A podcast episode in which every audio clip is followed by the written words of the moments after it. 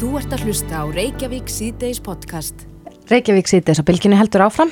Það er alltaf gaman að heyra að því þegar að eh, íslensk bókmentaverk Já. verðað kvikmyndu. sérstaklega góð bókmyndaverk Svo sannlega. eins og sagði eftir Arnald Indriðarsson hérna Napoleonstjólin Já, það kom fram í fréttum í daga að íslenska framleiðslu fyrirtæki Sagafilm og þíska Splendid Film vinna nú að kvikmyndinni Operation Napoleon Já. sem er, uh, þessi mynd verður byggð á, á skaldsögu Arnaldar Indrasonar sem kom út árið 1999. Já, ég held að það sé uh, önnur bókinans Arnaldar Akkurat, en þetta er ekki fyrsta, mynd, eh, fyrsta bókin sem verður að kvikmynd. Við munum náttúrulega eftir því þegar að Mýrin kom út hérna í, Já, sem kvikmynd fyrir einhverju síðan. einmitt En þessi verður að mestuleita á ennsku, þannig að það er, það er kannski nýlunda. Já, á línunni er Hilmar Sigursson, hann er fórstjóri Sagafilm, framleiðandi, kom til sæl Komið sæl. Já, þetta hlýtur að vera spennandi verkefni sem þið eru að ráðast í Já, okkur finnst það og, og hérna gaman að, að hérna, ná að púsla saman svona alþjóðlegu verkefni sem að verður ákveðlega stórt. Já, Þannig að jú, við erum stolt að þessu. Af hverju var þessi saga Arnaldar fyrir valinu? Það er nú svolítið merkilegt að, að hérna, það eru nú þjóðverjarnir sem að voru búin að, fá leiðið til að gera kveikmundi eftir þessu og þeir koma með þetta til okkar. Já, já þessi saga tengist Þýskalandi og, og setni heimstyröldinni Já, og, og bókin gekk alveg sérfélis vel í Þískalandi, það var yfir miljón eindöks heldaðinni þar. mm Þannig að Arnaldur er bæði þekktu náttúrulega erlendis og, og, og hérna, sérstaklega verið þessa bók í Þískalandi. Akkurat. Það kemur fram hérna á vef varæti að, að framleiðslu kostnaður myndarna sé í kringur 6 miljónir evra eða tæpla 940 miljónir króna. Sko, nú hef ég ekki samanburðu önnur kvikmyndaverkefni. Er þetta stórt á, á ykkar mælikvara? Þetta er stórt fyrir kveikmynd, íslenska kveikmynd, já. Já, en ekki kannski svona í alþjóðlegum samaburði Nei, í alþjóðlega samanbyrði þekkjum við alltaf risastóra tölur þar sem að, að hérna, þetta myndi telja stóttir mynd. Já, en verða tökur þá aðalega hér á Íslandi? Já, við gerum ráð fyrir að, að vinna með eiginlega öllu leiti hérna heima. En e, leikarar, verða þeir íslenskir eða útlendir? Það verður banda, það verður bæði íslenskir og, og svo erlendir. Er búið að ráða í hlutverk Kristínars, söguheitjunar? Nei, við erum, í, við erum einmitt í casting þessa dagana, þannig að hérna, við komum til að segja frá því áður en langt við líður. Já, og hvenar allir það byrja tökur? Við vorum að láta okkur dreyma um að byrja í haust. Já. Já, núna bara næsta haust. Já, og hérna það er alltaf búið að skrifa þetta og búið að leggja mikla og vandaði undirbúinnsjönni í þetta og hérna þannig ef vel fjármögnum gengur eftir uh, hratt og öruglega þá ættum við að geta það. Mm Er búið að ráði einhver hlutverk? Ekki sem við getum tilkynnt, nei. Nei, hvenar tilkynniði það? Það er svona með að hækkandi sól og vorinu. Akkurat. En, en þessi mynd eh, verður að mestuleita á ennsku kom fram í frétta á vísi.is í dag. Hvað þýðir það mestuleiti? Verður þá svona einhverja senur á, á íslensku og, og einhverjar á ennsku? Já, þetta er, er blönduð í tungumálinu. Það er, er að kapla þarna sem að sko eru bara íslendingar í og, þeir verða á íslensku. Mm Svo eru erlendir aðeinar, eða bara svo er í bókinni. Ennskur aðeili annað alhauturki sem að verður þá á ennsku. En gerir ráð fyrir því að eitthvað verið talsett svona fyrir eh, hérna erlenda markað? Við erum eiginlega ekki búin að ákvæða. Ég, sko, ég veit í Þískalandi þarf allt talsett. Þá þurfum að talsetja náttúrulega alla myndina. Já, En, en hérna, ég, við erum ekki alveg 100% búin að taka ákvörðina með hvort við leiðum ekki bara íslenskunni að fljóta með líka í alveglega útgáfinu á einsku. já, já. En Hilmar, rendu aðeins svona fyrir þá sem hafi ekki lesið þessa bók eftir Arnald. Renda aðeins yfir söguþráðinu um, um hvað fjallar myndin? Uh, myndin fjallar um, um Kristínu sem sagt sem að, að já, kemst að lindamáli og, og hérna er síðan hundelt af, af lauruglu og alls konar uh, aðilum uh, og í þeim uh, eltingaleik að þá vindur hún ofan af gömlu lindamáli frá því í stríðinu. Já, setna stríði. Og, og þessi saga tegið sér ekki upp á jökul? Jú, jú, það er mikið lendi upp á jökli og, og hérna og út um all land raunverulega þannig að, að við erum eitthvað að gera landin okkar góð skil í þessu. Já, en þú segir það að þjóðverðin hafi verið hrifnir af, af þessari sögu. Uh, gerir ráð þegar þið byrjar að skoða önnur verkefni, ykkur framhaldsverkefni með Arnaldi? Nei, ég vil ekki byrja á þessari. Já, sjá hvernig það fyrr. Já, svo allavega að komast náðu langt neina til að skoða meira. Akkurat, en uh, það við höfum nú talað nokkrum sinnum um svona kvikmyndaðinaðin í, þeim, uh, í þessum heimsfaraldri. Hefur verið mikið að gera og, og mörgu verkefni í gangi hjá Sagafilm núna á, á síðastlun ári? Já, við hérna, merkilegt nokk, við hérna tókum upp þrjú stór verkefni á síðasta ári og erum að klára tökur á, á, á hérna síðasta þeirra. Uh -huh. Já, og þetta, okkur þykir þetta bara vel að vera ekki staði í, í gegnum allt það sem hefur gengið á. Mm. Getur þú sagt okkur hvaða verkefni þetta eru? Já, þetta er sem sagt, fyrst tókum við upp sjónvarsátturinn sem heitir Sistraband, kemur á, á sjónvarpi símar sem páskana. Mm -hmm. Svo tókum við kveikmynd sem heitir Volka og er íslensk-póls kveikmynd, tókum hana í Vestmannheim og svo erum við að ljúka núna tökum á Stellu 2 eða já, þáttar á 2 um Stellu Blómkvist. Já. Og þetta þykir nú bara merkilegt hjá okkur okkar sástafsælum ellendis að hafa náð því að fara í gegnum þetta og klára tökur á svona stórum verkefnum. Já, þið þurf, hafið þurft að lúta mjög ströngum svona sóttvörnum eða ekki kringum all, öll verkefnin Jú. eins og sínatökum á, á leikurum og öðru slíku. Jú, það er og, og hérna náttúrulega eins og í sko samframlislu við verk, erlendverkefni sem að vera með að flytja fólk inn út úr landinu og svona þannig að við kengið ímislegt á en það sem betur fyrir þá varum við voru okkur tekist að halda þessu Já, akkurat, Já, það er gott Við erum mjög, mjög ána með það Hilmar Sigursson, fórstjóri Sagafilm, gaman að heyri þér. Kæra þakki fyrir þetta. Herru, takk sem leiðis, bæðis Þú ert að hlusta á Reykjavík C-Days podcast. Reykjavík C-Days á bylginni heldur áfram. Það eru núna komnar, já, tvær vikur síðan að valdaskiptin fóru fram í bandaríkunum en á alþingi í dag var sérstök umræða um samskipti Íslands og bandaríkjana eftir valdaskiptin. Já. Eh, Guðlugur Þór Þórðarsson, utan ekki sátt þeirra, er á línunni, kom til sæl. Sæl, verði. Ja, hvernig verður mikil breyting á samskiptum ríkjana núna í kjölfar valdaskiptana? Sko, samskipti Íslands og bandaríkjana byggja ekki á einstaka valdtöfum og, og við höfum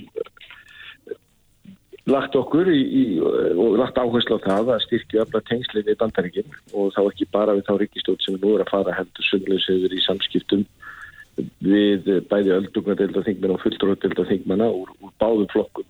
Og við búum að því og þetta hafa náttúrulega lengi verið góð samskipti í gegnum líka allra handastofnanir og svona fyrstu viðbröð stjórnarnar Gagvart Íslandi sem felast í því að þeir hafa strax sendt, sendt staðgengil senderinga sem ég hitti nú ég að leiða á komu og sókví að þau benda til þess á yfirlýsingu hans á, á Twitter. uh, og sem er staðfesting af því að það stendur ekkit annað til heldur en að halda áfram að styrkja og ebla samskipti í Íslands og bandaríkina.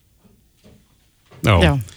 En þú segir að þetta byggir náttúrulega ekki á, á einstakka mönnum en, en Hvernig voru samstíkti rítjana hérna í tíð Donald Trump? Ég átti mjög góð samskipti við stjórnvöld á þessum tíma sem að ég hef verið ráð þeirra og það hafi verið stígin mikilvæg skref til að, að efla samskipti.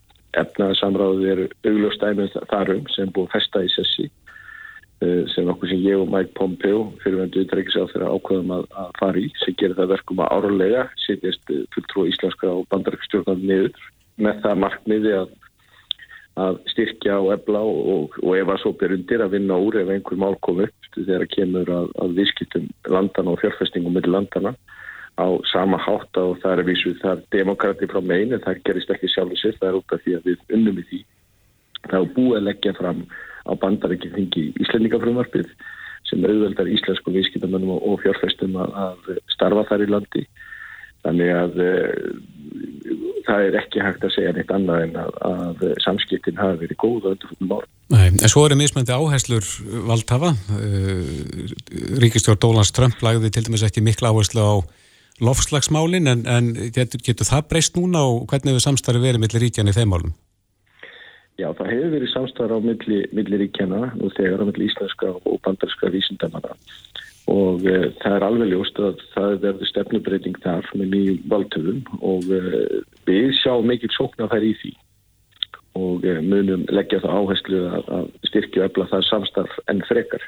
En á sama hátt að þá er ekki til annars en þess að leggja áfram áherslu okkur samskipti við Ísland og sömulegis að það er áhuga á norðurslóðum það er mjög litla líkur á því að, að það munir breytast sem er gott fyrir okkur og, og sömulegis er ekkit sem benn til þess að það verði neinar stóra breytingar í áherslu mjögurikis og vartamálum sem er sömulegis mikilvægt fyrir okkur. Mm -hmm. Það hefur verið mikið rætta að já, það, í valdatítröms hafi verið aðfur að líðræðinu að, að sko líðræðistofnanir innan eh, bandaríkjana hafi já, kannski ekki verið af þar í fyrirrumi. Heldur þú að, að þetta sé sérstætt á ekki efni þarf að byggja eitthvað upp að nýju eða er, eh, er þetta allt í góðum málum? Ég, sko, það er, ég held að sé nú ekki hægt að halda því fram að líðræði hafa vorið veikara í bandaríkjunum og núna þegar þessi atbyrðu sem voru núna sem að mikið, voru mikið áfall að þá var það sem að gerðist þá var það að fórustumenn í báðum flokkum bröðu strax til varnar og líðræðið og líðræðislega stopnarnir það er svo sannarlega stóðust það álagspróf og uh, líðræði stendur, uh, stendur styrkum fótum í, í, í bandaríkjum og því liggur engi vafi. Það er síðan þess að með nýjum stjórnaldum að þá munum en öruglega leggja meiri áherslu hins vegar á uh, að vera virkari þáttarmyndur í allþjóða samstarfum þegar þeir hafa dreyið svo úr ymsu samstarfi á, á undarföldnum árum. Og það er fagnar efni að bandarækjum er að taka Eh, virka þátt í alþjóða samstæðinu. Við, við höfum alltaf kallið eftir því. Já, en eh, viðskipta tengslinn? Eins og ég nefndi að þá er búið að festa í, sefni, í, í sessi efnaðarsamrásin oft og er undanfari fríversluna virana. Það var náttúrulega ekki hægt að fylgja því eftir með heimsóknum eins og stóð til, þannig að ég átti nú bæði fund með viðskiptaráð þeirra bandaríkjana og svo utæriksráð þeirra fyrirverandi síðasta vor. En það, það var ekki en það breytti því ekki að þá tókum við heldum en samráðinu og samstafnu áfram bara með fjárfundabúnaði og, og það var ákveðið að festa það í sessi. Og það heldur áfram. Það þarf að vera einhver, einhver sérstök ákveðin til þess að hætta því og það er ekkert sem bendir til þess að svo verði. Nei Rétt árið við missuðu, Guðlugur, þá langar með aðeins þess að fara með því hináttina til Rúslands. Eh, þú hefur mótmælt handtöku á Navalny í, Rúslandi. Hvað, hvernig metur þú svona framaldin að það?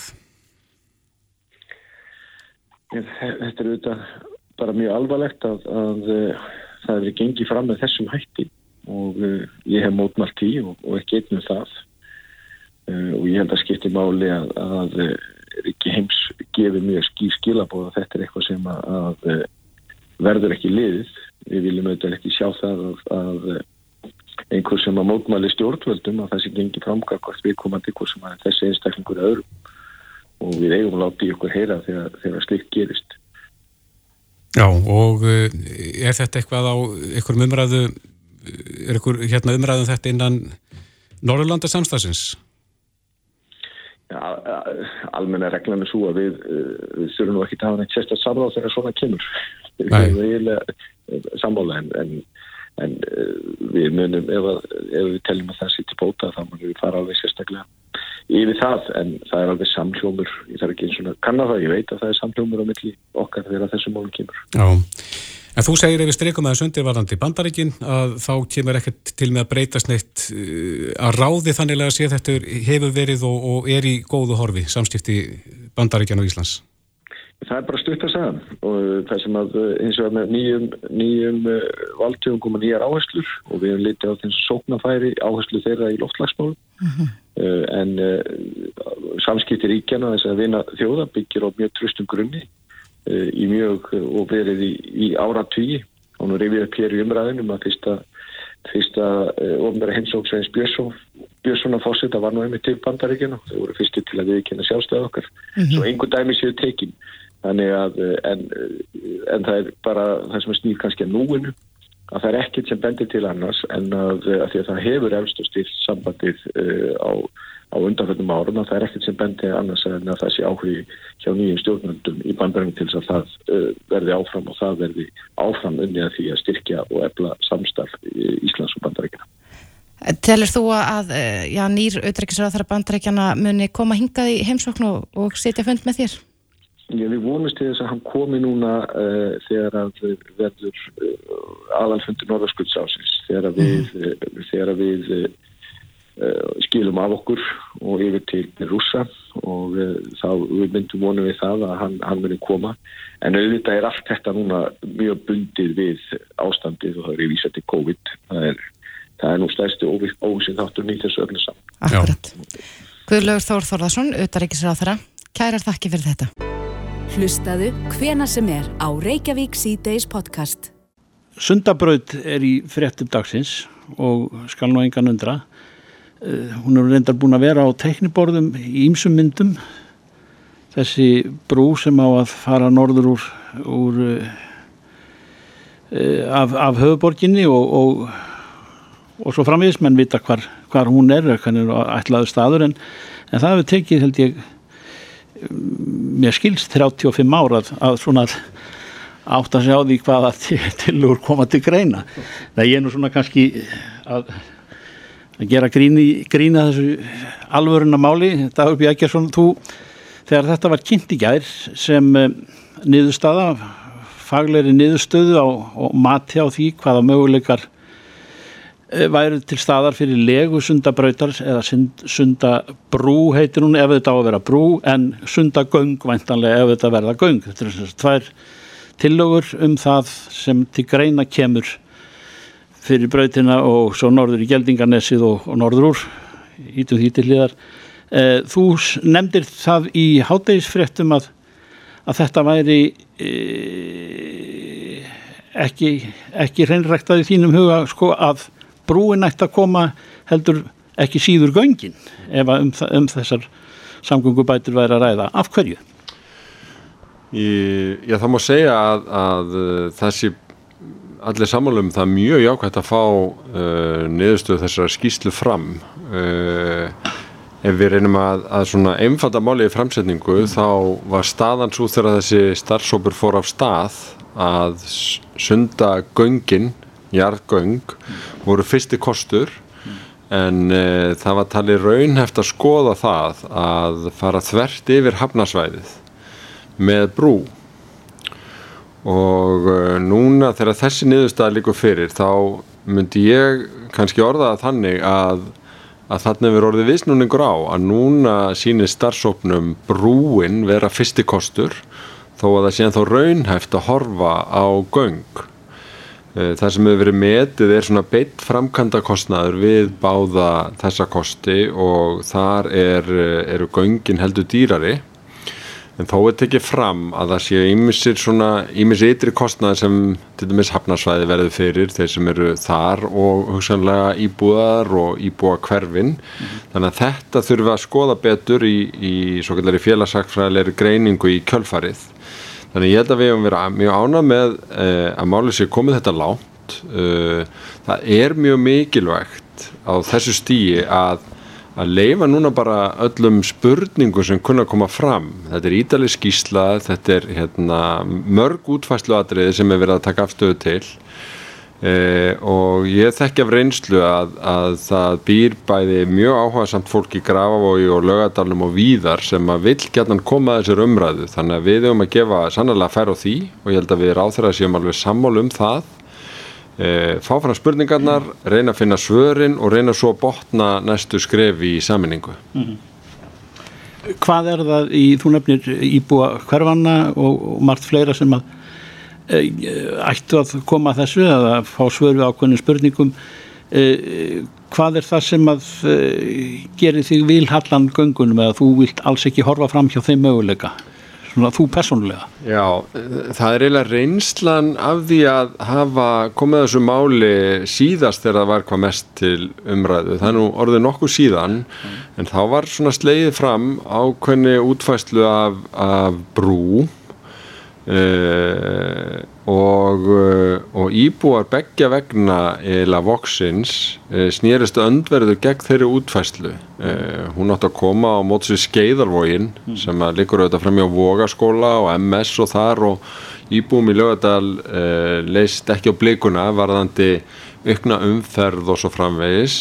Íbúar í Grafa og ég setti spurningamerki við, mér minnir að hafa átt að fara í gegnum Hamarinn sem að Hamrakverfi er, er hérna kent við Eh, það átt að tvöfalda eh, Hallsveg sem fyrir gegnum eða allan Grafvóin og, og borgar vegur átt að taka líka á sig tölvera umferð. Þannig að það, það er margt í þessu og, og þá var farið heilmikið samráðsferðli sem að botnaðil í því að, að sundagöng væri besti kosturinn og öll borgastjóðraunar saminæðist um álíktun fyrir rúmum tíu árum um að það væri fyrsti kosturinn í hugum borgarinnar mm -hmm. og uh, við lærðum af þessu að, að maður er ekki að spara tíma með því að spara sér samtil við fólk og fá alla borðinu og fá alla spurningar upp og fá all gögn á borðið og sjónamið mm. og, og uh, þess vegna hef ég bara viljað halda því til haga núna þurfum við að leifa öllum að koma að þessu máli sem vilja mm. uh, fá spurningarnar fram reyna og svara þeim af þeim heilendum sem við höfum ég minna við höfum verið í þessari vinna heilindum og við verðum í áframaldi vinna af, af heilindum og, og, svara þá bara líkil spurningum og síðan er hægt að taka ákvarðanir um næstu skref. En þessi e, viðkjönda staðrændi í, í skipilarsfræðum höfuborgarsvæðisins að, að þessi rani, að þessi leið út úr höfuborgarsvæðinu vil ég, vil ég segja e, léttir á e, eins leitri Eh, sko sín brauta Já. frá svæðinu e, þarf ekki og þegar að eh, frá með þessari stundu að, að já, ákveða það og, og taka til hendinni fljótt þannig að það líð er svo vanur sko já ég veit ekki hvort það er kjörtímabil á borginni eða, eða um bara ára týjir og og eh, hjá vegagerðinni samgöngu yfirvöldum og, og, og borgarstjórn og allt þetta þetta er búið að, að, að veltast það lengi og þessi sterkar auksend er ennþá e, fyrir hendi að, að þetta, þetta hefði gerði gagn þegar kemur að flæði umferðar mm -hmm. Jú, e, það er hérna megin rauksemdin fyrir því að þurfi sundabraut á hún létti á umferð e, annar staðar mm. Uh, Skísland dregur eins verið einni fram að á vissum svæðum þá eigur hún umferð mm. og þar kannski liggur hundurinn grafin að, að finna í afvægi milli þeirra sem að uh, hérna, njóta góðs mm uh, og að léttir á umferðinni hjá og hinnum sem að kannski telja sér líða fyrir þetta og, og finna mótvæðis aðgerðir í, í því En, en skýslan er nefnilega full af, af tölum og efni og alls konar greiningum og, og bendir á hluti sem að þarf að taka afstöðu til og útfara þannig að hún er mjög góðu grunnu fyrir, að mínu mati fyrir það samtal sem að þarf núna að, að fara fram. Það er mat skýsluhöfunda að að uh, það geti tekið 8 til 10 ár uh, frá því að ákvörðin er tekin uh, þar af helmingur í frekari rannsóknir og umhverfismat og undirbúning. En eitt af því til dæmis sem á eftir að útfæra og svara og getur haft áhrif á þau hvað margir nota sundabraut það eru veggjöldin. Það er sem gengið út frá því að veggjöld borgi sundabraut að fullu Uh, og ef að þau eru of há þá nota hana færri og þá léttir ekki umfyrirna annar staðar, ef að þau eru of lág þá standaðu ekki undir framkvæmdini þannig að, að þannig eru þetta atriði sem þarf að leggja staðins yfir áður en hérna, við getum sagt uh, þetta er komið. Eitt sem ég skýtur hún í kottun á mér að því að uh, þú talar um að gefa göngunum gauðum það sem brúin hefur og þessir geti þegar þegar skýstan er kynnt í gær að strax að hún býður upp á fjölbreytilegri ferðamáta þar að segja að þannig er alminnisvagnakerfið eh, velkomið vantanlega og, og sömurleiðis eh, reið hjól og eh, hjólaumferð jável gangandi, ég veit það ekki. Já, uh, það er telt fram þetta sem kosti við brúna og það er alveg rétt að, uh, að þetta myndi stitta leið fyrir gangandi og hjólandi uh, yfir vógin og og spennandi tilöksun að, að bæta við þeirri vitt ef að göngin væru uh, að þá væri ekki bóð upp á það frekarinn í kvalferðagöngum eða, eða öðrum göngum og þá þurfti að áfram að hjóla og ganga fyrir vógin mm. þannig að allt skiptir þetta mál í þessu þetta er hildarmynd, það eru mörg púsl í þessu kostur og gallar og mér finnst þetta hafa verið dreyið býstna heðalega fram mm. Eh, en það er raun klikt út með því í skýslunni að báðir kostir séu raunhæfir.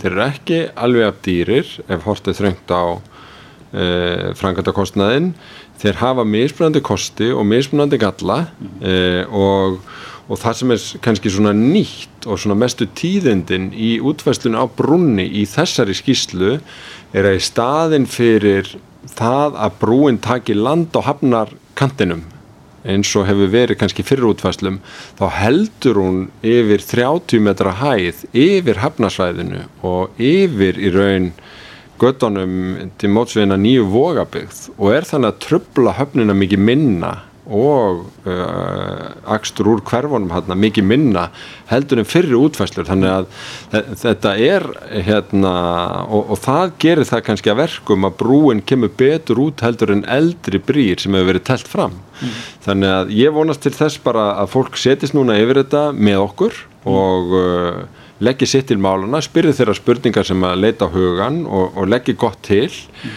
Eh, þannig að, að við getum í kjölfarið sest niður með sjangungur á þeirra á ríkinu og, og ákveði næstu skref. Mm. og þá eh, ekki bara eh, brúarmannvirkin og, og eða kannski göng heldur líka hvernig með hvaða hætti hún fer yfir sundin blá.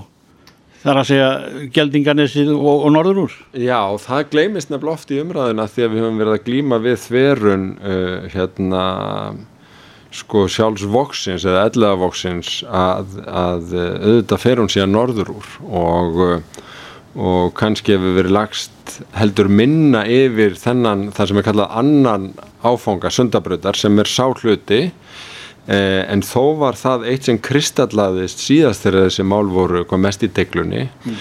að það skipti mjög miklu máli til dæmis fyrir íbúa grafavoks að sundabröð far ekki bara halva leið endi í raun í gufunisinu og allir í umferðinni sé veitt í gegnum grafóskverfið heldur skiptir máli að framkvæmdi fara alla leið þá yfir kollafjörðin ef það er farið í þetta á annar borð. E, til þess að auðvitað bara styttingi verði sem mest og að þetta bytningi óhóflega á þeim sem búi í grafói og allt þetta þurfum við að passa. Dagur Bjækjarsson, borgastjóri svona frá dýfstu rótum hjartans. Það er langt síðan þessi hugmyndafræði var til sundabraut. Mm og, og sumpart með, með sumurög sendafæslum og uppi er í dag. Eh, hefur þú trúið að þetta komi, komist á koppin við erum að tala um næstu fjögur, fimm, sex, sjö árin.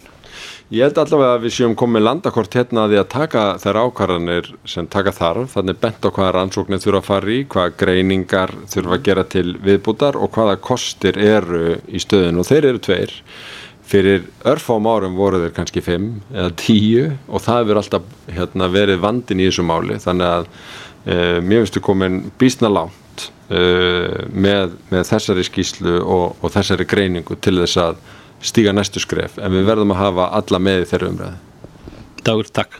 Takk. Reykjavík síðdeis á bylginni Ef það er eitthvað sem hefur fyllt okkur Íslandingum í gegnum tíðina, þá er það draugasögur. Svo sannarlega, jú hér áður fyrir var þetta kannski eh, já, trúðu fleiri mm -hmm.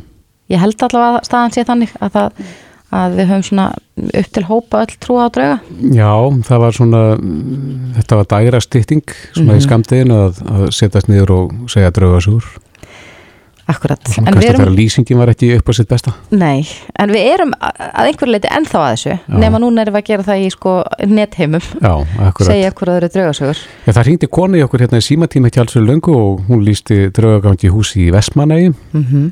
og hérna eftir það fór ég inn á þessa síðu á netinu. Eh, Sannar íslenska draugasögur heitir hún og stopnandi þeirra síðu er á línunni, hann heitir Hjörtur Solrúnarsson, kom til sæl. Jú, kom með sæl Já, þið eru með hvað 7600 meðlumið hann inni, ef ég tekir rétt Já. eftir. Jú, það er uh, síðust tölur, það er þetta, þetta er komið upp í 7600 og er búið að vaksa í rauninni uh, með, eiginlega með ólíkindum bara frá síðasta hösti. Hvenar opnaður þessa síðu? Ég opna hana 2015, 19. mars. Mm -hmm. En hvað verður til þess? Þú, hefur þú upplifað sjálfur eitthvað slíkt?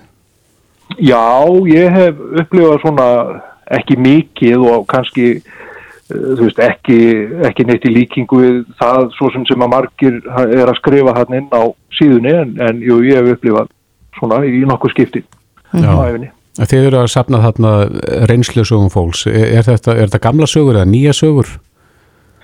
Þetta er svona bara blanda af, bara af báðu. Það eru, það eru þó nokkur í sapna sem kom inn og, og segja sögur sem að hafa gerst sem sagt hjá, þú veist bara í, í æsku mm -hmm.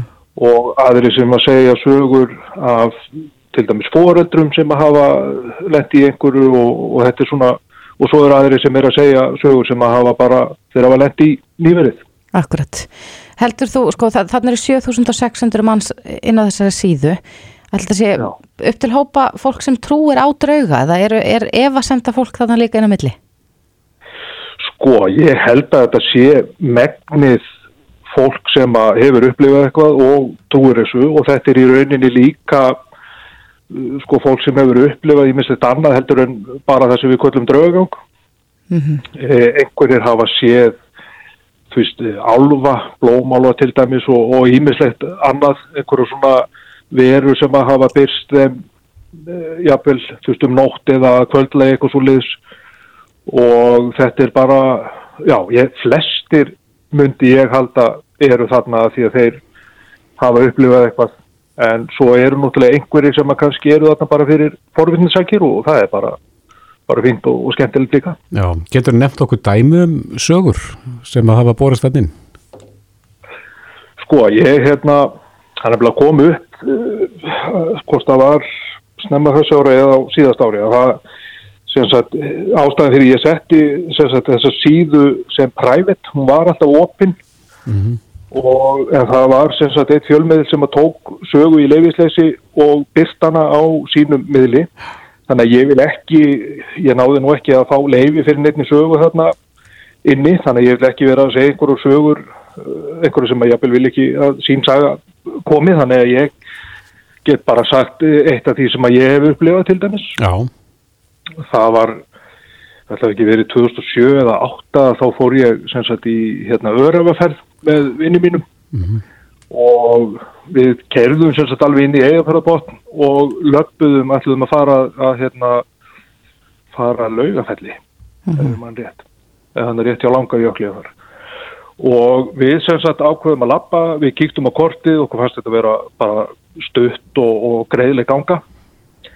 En þegar að klukka var orðin 11.12 þá voru, voru orðinir brekkar lúnir og ákveðum að tjálta og, og halda áfram næsta morgun og það verður sem sagt hannig að þegar við erum búin að koma okkur fyrir og erum bara eitthvað að spjalla þá heyrum við að tíðinu fótatak fyrir utan tjaldið. Og við erum náttúrulega steinhissa hérna bara upp, í, upp á örafum og erum ekki vonað því að það sé neitni kringum okkur. Þannig að ég stekk út og kíki og það náttúrulega, það er enginn. Bara og ég, þú veist, það leiði ekkert langur tími. Og ég er náttúrulega fyrir inn og tilkynna það, sé enginn í kringutjaldið og, og við bara höldum áfram eitthvað og þá sem sagt er krafsað í tjaldið. Já. Og þetta er, þú veist, þetta er þannig hljóð að þetta er ekkert eitthvað sem að, þú veist, hefði komið með vindinu með eitthvað þúnist. Þetta var svona greinilegt krafs eins og einhver hefði bara verið fyrir utan að, krafsa með hendinni mm -hmm. enn og oftast ekki út og það er engin þannig að það svo sem var ekkert mikill uh, þessa nóttina sem eftir var.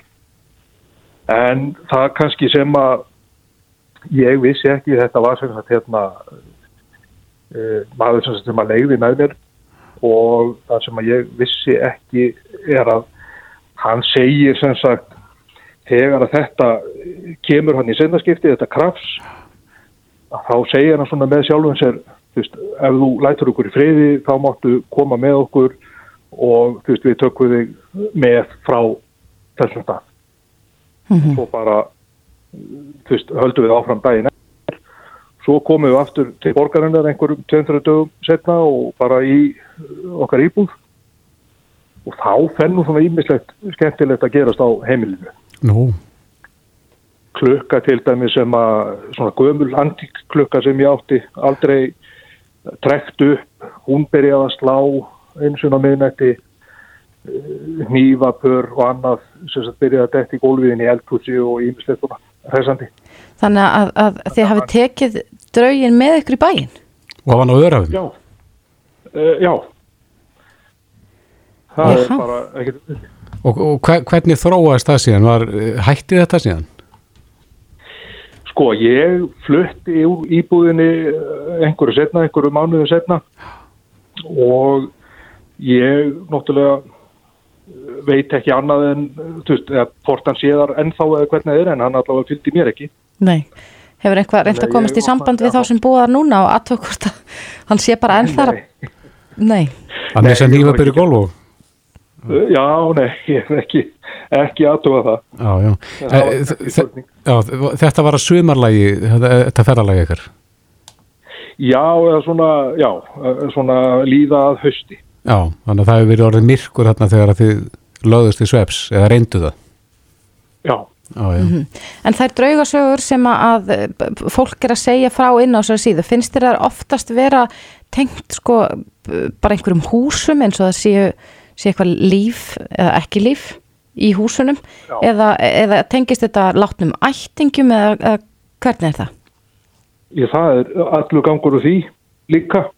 Þetta er, það er einmitt sumir sem hafa eh, sett inn, sem sagt, hérna, færslur þar sem þeir segja, eh, veist, ég þekkir einhver reymleika frá þessum staði eða þessu húsi, ég, og fjöls, við fjölskylda búum hér og höfum gert í einhver tíma og verðum vörfi ímislegt og þá eru koma einmitt sérst, fleiri sem að hafa þá bara búið á sama staði að þekkja til og segja einmitt að þeir hafa voruð- orðið var við það. Já, já. Og, En, en fyrir ekki, er fólk að, að leita eftir ráðum þarna eh, og aðstofið að reyna að kveða niður remleika?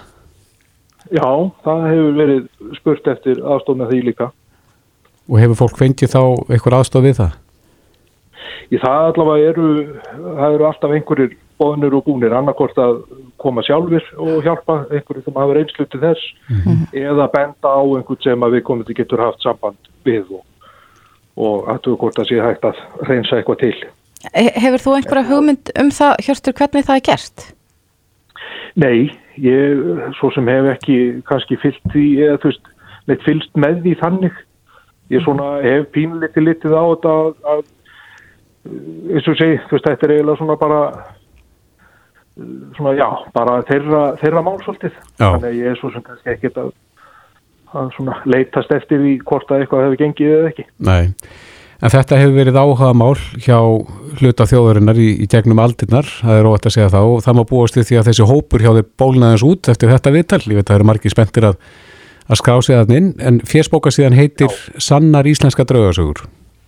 Já, akkurat. Já. Og Hjörtur, það eru, eins og segi, það eru allir, allir velkomnir en einu í rauninni reglurnar hjá okkur er að, að fólk beri virðingu fyrir upplifunum annara. já, Hjörtur Solrunarsson, stopnandi síðunar, kæra þakki fyrir þetta. Bara takk sem er leiðis, kærlega. Þetta er Reykjavík C-Days podcast. Þjóðin hefur fylst aktóa með þessu ljóta máli í Malling í Danmörku. Já, eiginmaður Freyju Egilsdóttur játaði í gær Já. að hafa myrtana Já, á þetta mál, þetta mál tók ljóta beigju, það var nú byrjað því að lýsa eftir henni en, en eh, svo fannst hún við heimili sitt. En á línunni er Elin Margrit Böðvarsdóttir, uh, fréttakona stöðartöð vísis og bylgjuna sem er stödd í Danmörku, Sæl. Já, sölublesið. Liggur málið svona nokkuð ljóst fyrir? Já, þá eflust ímislegt eftir að koma í ljós en ég það verðist allavega nú þessari stundu flest benda til þess, jú að þessi fyrirverandi sambílismáður Freyju hafi orðið henn að bana.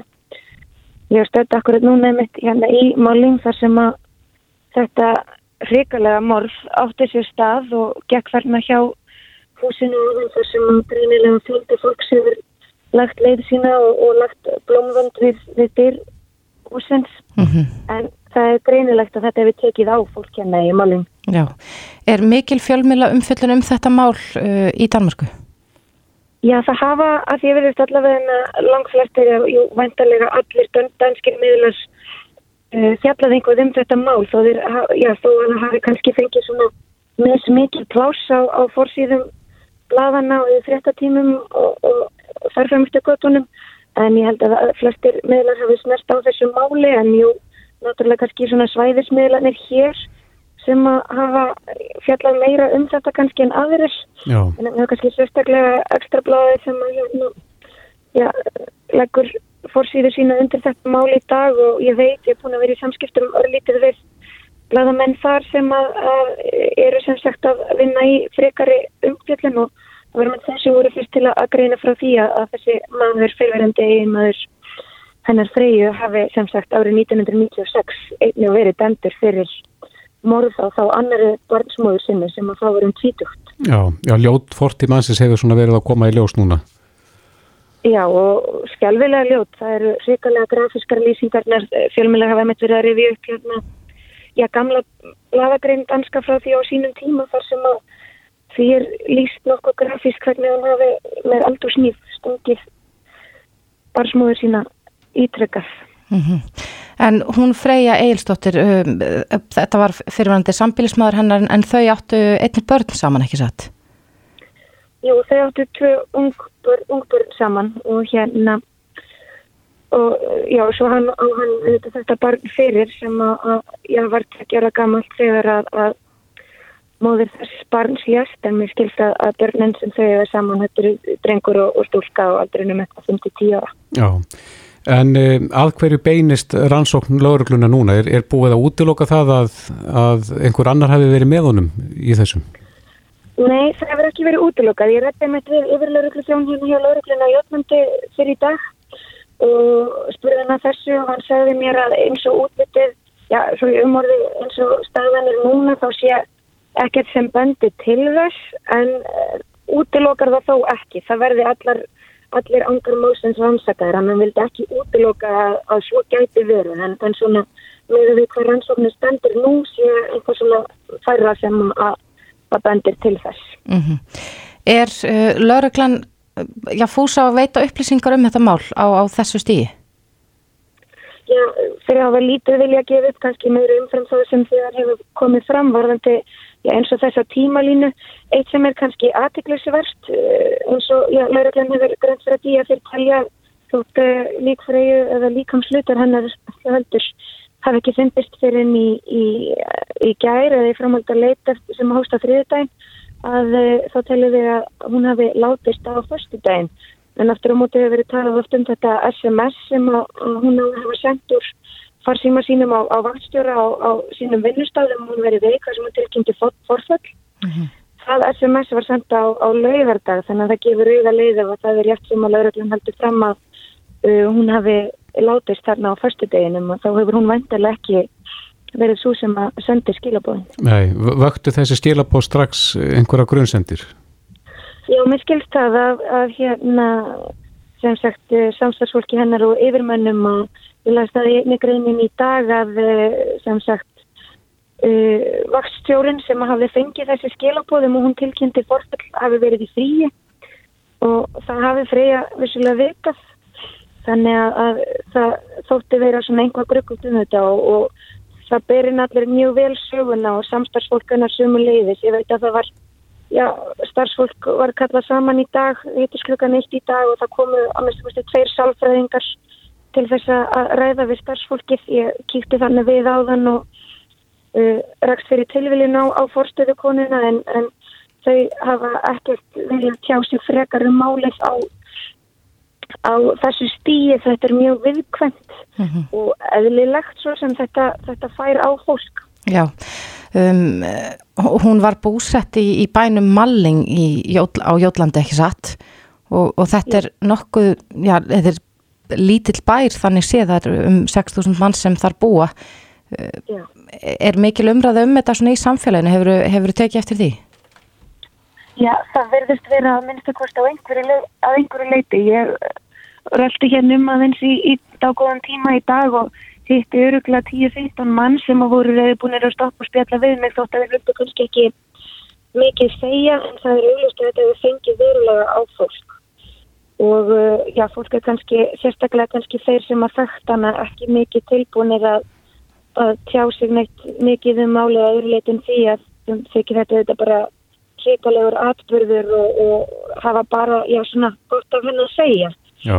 og þar fyrir utan þá rafst ég um þetta á, á konu sem var á röldi við húsið hennar freyju hérna áðan sem að var, já, tárvot um augun hvaðst þú ekkert hafa sagt en hún býr bara hinn í nágruninu og, og já, tekur þetta vissulega mjög nærri sér þegar svona skerfileg rættur er eigast að staði í letlu samfélagi Einmitt. Uh, Elin Margret Böðarsdóttir, þú ætlar að fylgjast vel með þessu máli og framöndu málsins og rannsóknarinnar fyrir fréttastofuna. Ekki. Akkurat. Kæra þætti fyrir þetta og bestu kveður. Takk sem að leiðis. Reykjavík síðdeis á Bilginni podcast. Já, góður hálsar, í dag er alþjóðadagur krabbamins. Um, sumir kipast við og eða láta sér fátum finnast en það er það þekkt að mennur frekar rættir við þetta orð. Hefur að vísu hokkið stór skörð í, í, í raðir mannana hér á landins og annar staðar. En ég er sestur þetta niður með honum Gunnari Bjarnar Ragnarsinni hann er formaður félags íslenskara grafmennslagna ég voni að hafi all, allt þetta rétt ég segi um, það hefur þó menn verði kannski ekki mikið varfið það að því að það fer kannski ekki hátt hverju sinn en það hafa orðið framfarir í lækningum þegar við tölum um krabbaminn. Jú, það hafa orðið gríðarlega framfarir og eins og segir þetta orð hefur samt ákveðna kildislana merkingu bara krabbi, eitthvað sem klýpur í mann. Og en það eru óbúslega framfari í þessu. Mm. og til dæmis ef við tölum bara út frá lífslíkum mm. að þá er, hafa þær rúmlega tvöfald að síðan ummiðja síðustu öld. En það er samt fleiri að fá krabba minn bara út af því að þjóðun er að eldast. Og, og, og fleiri að fá krabba minn og fleiri að fá góða útkomu úr meðferð heldur en áður mm. þannig að það þýðir rauninni að fleiri og fleiri að nákvæmt læknast að krabba minni eða eða lifa með því, bara haldi niður eins og öðrum krónisku sjúdóm mm. svo háþrýstinga eða síkusíki eða því líkt mm. þannig að það þýr að fleiri munu fá krabba minn og fleiri munu lifa með krabba minni eftir, eftir lækningu mm. eða lifa með því Þegar við skoðum framfærir lítum svona heilt yfir sviðið er það vegna okkar framferðist eða okkar lífverðnis eh, bættra lífsháta það sem við látum ofan í okkur það sem öndum að okkur. Er það vegna þess eða er það e, kannski framfærir í livlækningum sem að hafa sem, sem aðal áhrifavaldur um að hér hafa orðið framfærir Já, það er svona marg þátt að við þekkjum núna betur þennan óvinn sem krabbaminn er. Og við, það er auðveldur að greina hann fyrr og fjarlæga en þá fyrir stegunum sem, sem kemur fram í skimunum eða því líkt. Mm -hmm. og svo vitum við bara meira um hvað veldu krabbamenni það tók nokkuð tíma að finna út að reykingar öllu, krabbamenni og þegar við fundum það út að þá var svona farið að ráðast í það að reyna að draga úr reykingum allaveg eins og Íslandi tók samfélagið það ákvörun að það ætti að draga úr neyslu reykinga með því að leggja á skatt og hafla aðgengi og því líkt. Mm og svo er hugsanlega einhver breytinga á matarvenjum og því líku. Mm. og svo þetta getur bæði leitt til fækkuna krabbamenn eins og tilveki reykingatengdar krabbamenn og svo eins og þessi sólartengdu krabbamenn eh, sortu ekstra því líkt þar var greipið til dæmis til þess ráðs að banna börnum að fara í, í, sól, í, í ljósabekki mm. og það hefur líklega leitt meðal annar þátt til fækkunar á sortuækslum mm. ástand því að menn vita meira um áháttina því að vera solbæði það fara vola fáir og til að brenna sig sunda, sunda solbruna eins og áður kannski en þannig það er svona ímislegt sem kemur til. Og svo er hann þrá óbáslega framfæður í, í læknisfræðinni. Og hún fælst bara í því að finna ekki fyrir, bara fylgjum sér tækni og sjáu þið krabba menni betur, getur greinta fyrr og svo er bara auðveldur að fjarlæga það með alls konar aðferðum í, í með geyslum eða skurðaðgerum og svo hafa lifin tekið óbúslegum framfyrir líka mm. og við erum að njóta alls þessa núna. En uh, þegar við lítum yfir hjörðina Íslandinga uh, er, er, eitthvað, er eitthvað sem að uh, er frekar áreitin eða áleitin sjúkdómur í innan krabbameina sem að herjar á okkur umfram, já til dæmis nákvæmlega þjóðir? Í það heila er þetta mjög svipað. Já. Þannig að minnstri er, er í það heila mjög svipað, já. Mm. Mm. Þannig að sjálfur sér ekkert neitt krabbamein sem sker sig það mikið úr að, maður, að það breytir svona heildamyndinni. Mm.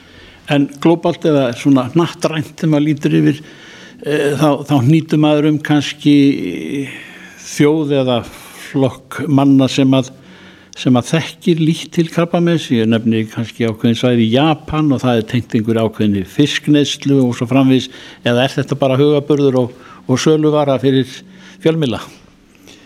Nú bara þekki ekki alveg þess svæði í Japan verðinu veikjana en tíðinni krabbamenni er misjöfn eftir heimslutum og það fer svolítið eftir neyslu venjum og, og öðru. Já og sem veldur því að ágæðin krabbamenn eru algengar annar staðar en, en hér og svo framvegis. Þannig að, að jú, tíðni krabbamenn er misjöfn eftir landslutum og þá var gætna að tala um það að brjósta krabbamenn var sjálfgæfara í, í til þess að japanskum konum heldur en í, í bandarískum konum. Mm. en svo þegar það er fluttu til bandaríkjana að þá fór tíðnin upp. Þannig að það er einhver umhverfistáttur þar sem spilar inn í. Mm hver er algengustu krabmein á Íslandi? Hjá köllum er að blöðruhálskiptis krabbamein og hjá konum er að brjóstakrabbamein.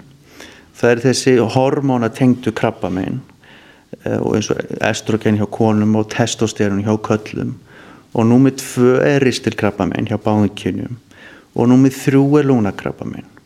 En flestir deyja úr lúnakrabbameinum af þeim sem deyja vegna krabbameina og, það kannski vegna þess að það er svona e, hefur haft hefur ekki haft eins góðar um, með þeirra árakun hefur kannski ekki verið eins góður þar eins öðrum krabbameinum en það er, nú, það er að batna núna mm. eh, Svona lókungunar eh, við erum að tala um eh, krabbamein og, og þau hinn algengustu það, það leiðir hugan að aðgengi þegnana til ykkar eða inn á þjónustu helsumiðstöðar hvar þær eru. Er, er það næjanlega gott og, og, og maður heyrir ótt að fólki finnst erfitt að nálgast ykkur eða til, fyrir forveitnisækir eða út af einhverju kannski sem er ábyrjunast í, ég veit það ekki sko krabbamennslæknar sinna í sjálfur sér bara meðferð krabbamenna mm. og þeir, þeir annarku sérhæður í geysla meðferð mm. og eða livja meðferð mm. þannig að við erum svona einbytt okkur að því og það hefur svona þróast undan fyrir ár bara vegna að verkefnin hafa vaksið er að við höfum einbytt okkur meira og meira því sem bara við getum við sérhæðast þar í mm. bara þannig að við getum sinn þeirri þörf sem er fyrir hendi fyrir lifja eða geyslameðferð mm. þannig að það er nú kannski ekkit óeðlilegt að fólk geti kannski ekki svona bara stoppa við og, og helsa upp á okkur sko. en það er samt mjög gott aðgengi að sérfræðingum á Íslandi mm. og ef við meðum bara við Norðurlandi til dæmis þá er yfirleitt mjög stittri byggtími eftir meðferð mm. eða hitta krabbmennslækni og svona en venjulegt svona fyrsti viðkomustadur í heilbyrðiskerfunu er nú samt alltaf heilsugjæslan ah. og ef þar vaknar einhver grunur um krabba minna þá eru til farvegir til að koma þeim í, í einhvers konar greiningaferli mm. og svo venjulega þannig er að ef það er sterkur grunur um krabba minn eða hefur greins krabba minn hjá einhverjum er það tekið upp á samráðsfundi svo kalluðum á þessum samráðsmyndu koma saman hér mismundi sérgreinar, það koma saman myndgreiningarlæknar, meinafræðingar krabbaminslæknar, skurlæknar og, og um sérgreinarlæknar og fara yfir tilfellin og þá er meðferðin ákveðin. Þannig að það er svolítið margt af því sem er gert og aðkoma krabbaminslæknar og annað er kannski svolítið ósýnilega sjúklingnum sem, þeim sem greinist með krabbaminn mm þannig að en þá eru líka ákvarðanir teknur, ég held að það sem skipti þá sem fá krabba með einn mestu máli er að meðferðin sé sem best. Það eru að reyna að tryggja með þessu. Gunnar Bjarni Kjart Ragnarsson fyrir geðum formaður félags íslenskara krabbinsleikna gaman að tala við þig og, og ég er alveg vissum að það eru margi sem sperra eirun eh, nú á þessum degi þar sem að þessi mál er á döfinni. Takk fyrir spjallit Takk sem leiðis Reykjavík síðdeis á Bilginni podcast. Jæja, Reykjavík síðdeis þeir eru fáir jafn skipulaðir sem ég þekki eins og þú. Já, er það? Ég- Takk fyrir það. Ég sá það á Instagram í gerð að þú varst að, að skipulegja næsta mánuð. Sko ég nefnilega tók eftir því að það fyrir svona árið síðan. Byrjaði ég að, að uh, stundum er óreiða í haustum á mér Mhm. sem ég næ einhvern veginn að greiða úr með því að skrifa hlutina niður. Já, og komaði með einhvern veginn inn í dagbók. Mhm, og ég fór að taka eftir því að þetta er svona eins og kannski margir þekkja með að það er rosa mikið drast heimi á manni og svo tekum maður til það bara líður manna aðeins betur Einmitt. bara í rýminu mér, mér líður aðeins betur í haustnum Já. eftir ég fór að taka til þar. Að skipulegja þig. Akkurat. Ingrid Kúlmann hjá Þekkingamilun er á línunni, komdu sæl. Já, komiði blessa og sæl. Já, tekur þú undir það að maður getur bætt svona andlega heilsu með því að skipulegja sig? Já, það er ekki spurning. Þetta róar hugan og það mjög gott að vera búin að velta fyrir sér til aðeins hvað ætla ég að gera í dag. Það er þess að vera eins og hauslaus hæna. Ég segi stundu sko annarkot vinnur þú að þínum markmiðum eða annara þitt er valið. Og það er þetta hug, hægt að hugsa þetta skipula á mörgum frá mörgum sliðum sko hægt að velta því fyrir sér. Það er bara skipulaði varandi verkefnin en svo er líka bara umhverfis. Ég hef til dæmis mjög oft eftir jól að fólk segist vera bara feið að vera löst við skrautið, slakka til að takast niður og, og svona það er, það þarf nú ekki að vera innlit útlit heimli sko en heldur ekki allt í Akkurat. og kannski mitt á milli. En maður hefur oft heyrt um, það er, það er alls konar hugmyndafræði á bakvið svona skipulag, maður hefur heyrt Marie Kondo og Feng Shui og þú getur gert ímislegt við rými sem þú ert í, til dæmis með því að minka hlutunum í kringu eins og maður gerir kannski eftir jólin. Uh, ertu með eitthvað góð ráð fyrir þá sem vil, vilja svona byrja að, aðeins að skipulegja í kringu sig? Það er náttúrulega mjög gott að velta fyrir sér auðvitað fáloft gjafir og ímislegt sem við kannski hef, hefðum sjálf ekki, ekki valið. Þannig að það er gott að velta fyrir sér bara hvað gefur mér orku, hvað finnst mér fallet í kringum mig. E, auðvitað er við misjöfn. Ég man eftir manni sem að e, á skrifstofunni sinni þá voru staplar út um allt og ræstingafólki máttu aldrei koma inn og taka til að því hann vissi hvar allt var. Og fyrir honum var þetta ekki, þetta var ekki kás og okkur fannst þetta alveg bara hvernig finnur allt og en þegar maður baði um skýrslu sko frá árunni 2014 um ákveð málefni þá fór hann bara að segja já þetta er í bunkanum hérna. Og náði, náði í skýrsluna þannig að við erum þetta ólík hvað þetta varður en það er mjög gott að að þau eru ekki eigða miklum tími að hugsa til dæmis bara hvað hlutirnir eru maður sé til dæmis að þegar fólk býr til skipula í bílskúlnum í stað þess að þau eru alltaf að leita að hamri eða skrújátni þá er það bara á sínum stað. Mm Já, þú ert að lýsa þarna áðan svona skipulögðu kási. Já, það er náttúrulega þannig, þannig hjá sem fólk finnur allt en, en hérna fyrir aðra virka þetta ekki og þetta hefur áhrif á líðan ef að maður finnur ekki hlutina eða ef maður mætir í vinnuna og maður veit ekki alveg eh, hvað maður á að byrja á. Ég segi alltaf sko fólk að helst að gera svona verkefnalista áður en það fer heim í lók vinnudagsins vegna þess að þá ertu þá þarftu ekki að eigða tími í hugsa um það hvað þú ætlar að gera daginn eftir en þú heldur ekki að bregðast við kannski fyrirspögnum annara því að þessi fólkvarskjöðin skiptir svo miklu máli. Er ég að gera mikilvægustu hlutina? Ég segi átt sko það hægt að vera upptekinn eða skilvirkur. Stundum erum við rosalega upptekinn en við erum ekki endla að gera mikilvægustu hlutina. Það er hægt að eiga tíma í, í, í eitthvað sem skiptir kannski bara engum máli að svara léttvægum tölupóstum sem dæmi í stað þess að sinna kannski verkefni þróunaverkefni eða símentun eða eitthvað sem skiptir bara miklu meira máli. Akkurat, en rýmar þetta ekki svolítið við það líka að, að ég hef heyrt að margir hafa sko blað og penna á, á skrifborðinu, nei á náttborðinu sína ásaki að, að svona Já. skrifa niður, ó ég þarf að gera þetta á morgun. Að um leiðum maður kemur í það blaða þá róar maður hugan Já, ég mæl nú reyndar ekki með því að fólk sem gula við á náttúrunum hjá sér. Það er einmitt ástæð fyrir því að, að, að við ættum verið að gera listan áður en við förum heim þá erum við kannski búin að ákveða þetta er það sem ég ætla að gera morgun það er góð leið til að kúpla sig frá vinnunni Mhm. í stað þess að, að halda áfram að hugsa um þetta þegar heiminn komið. En maður getur alveg leiði upp í rúmi og fengið ykkur alveg briljant hugmynd. Já, já, það, er, það getur gert og það er ekki gott að vakna síðan daginn eftir á mun ekki. Nei. Þá væri nú betur að hafa guðlað með hann. Já, nákvæmlega, það er ekki leið. En ég rakst á það hérna á Facebook að eh, félagum jákvæða sálfræði er að fara að vera með fund akkurat um þetta efni, áhrif skipulags á líðan Það passar. og þetta er, er í næstu viku, 10. februar klukkan halv 8 og þetta er opinn fundi sem við verum með á Zoom. Það er upplýsingar á Facebook bara á heimas, á sem sagt okkar Facebook síðu, félagsum jákvæða sálfræði og það er Vilpi Jókinin, hún er eh, halvar íslenskur, hún talar mjög góða íslensku, er svona það sem að menn kalla á, á ennsku professional organizer, hún fer heim til fólks og hjálpa fólki að skipilegja. Þannig að það er hægt að fá þessa þjónustur hérna. Já, það er hægt að fá þessa þjónustur. Við höfum kannski í fræðu, við höfum séð svona eh, þætti frá baldaríkinum þar sem að einhver manneskja kemur heim og hjálpar mann að skipilegja. En þetta er það sem hún meðal annars vinnur við. Og hérna á Íslandi líka? Hér á Íslandi, já. Já, já. Hún býr og, og vinnur hér á Íslandi. Já, já. Heru, þetta er frábært. Og hvað er þetta að kynna sér nánar þennan Zoom-fund? Það er á Facebook uh, félag um jákvæða sálfræði. Þetta er opinn fundur þannig að það er allir velkomnir.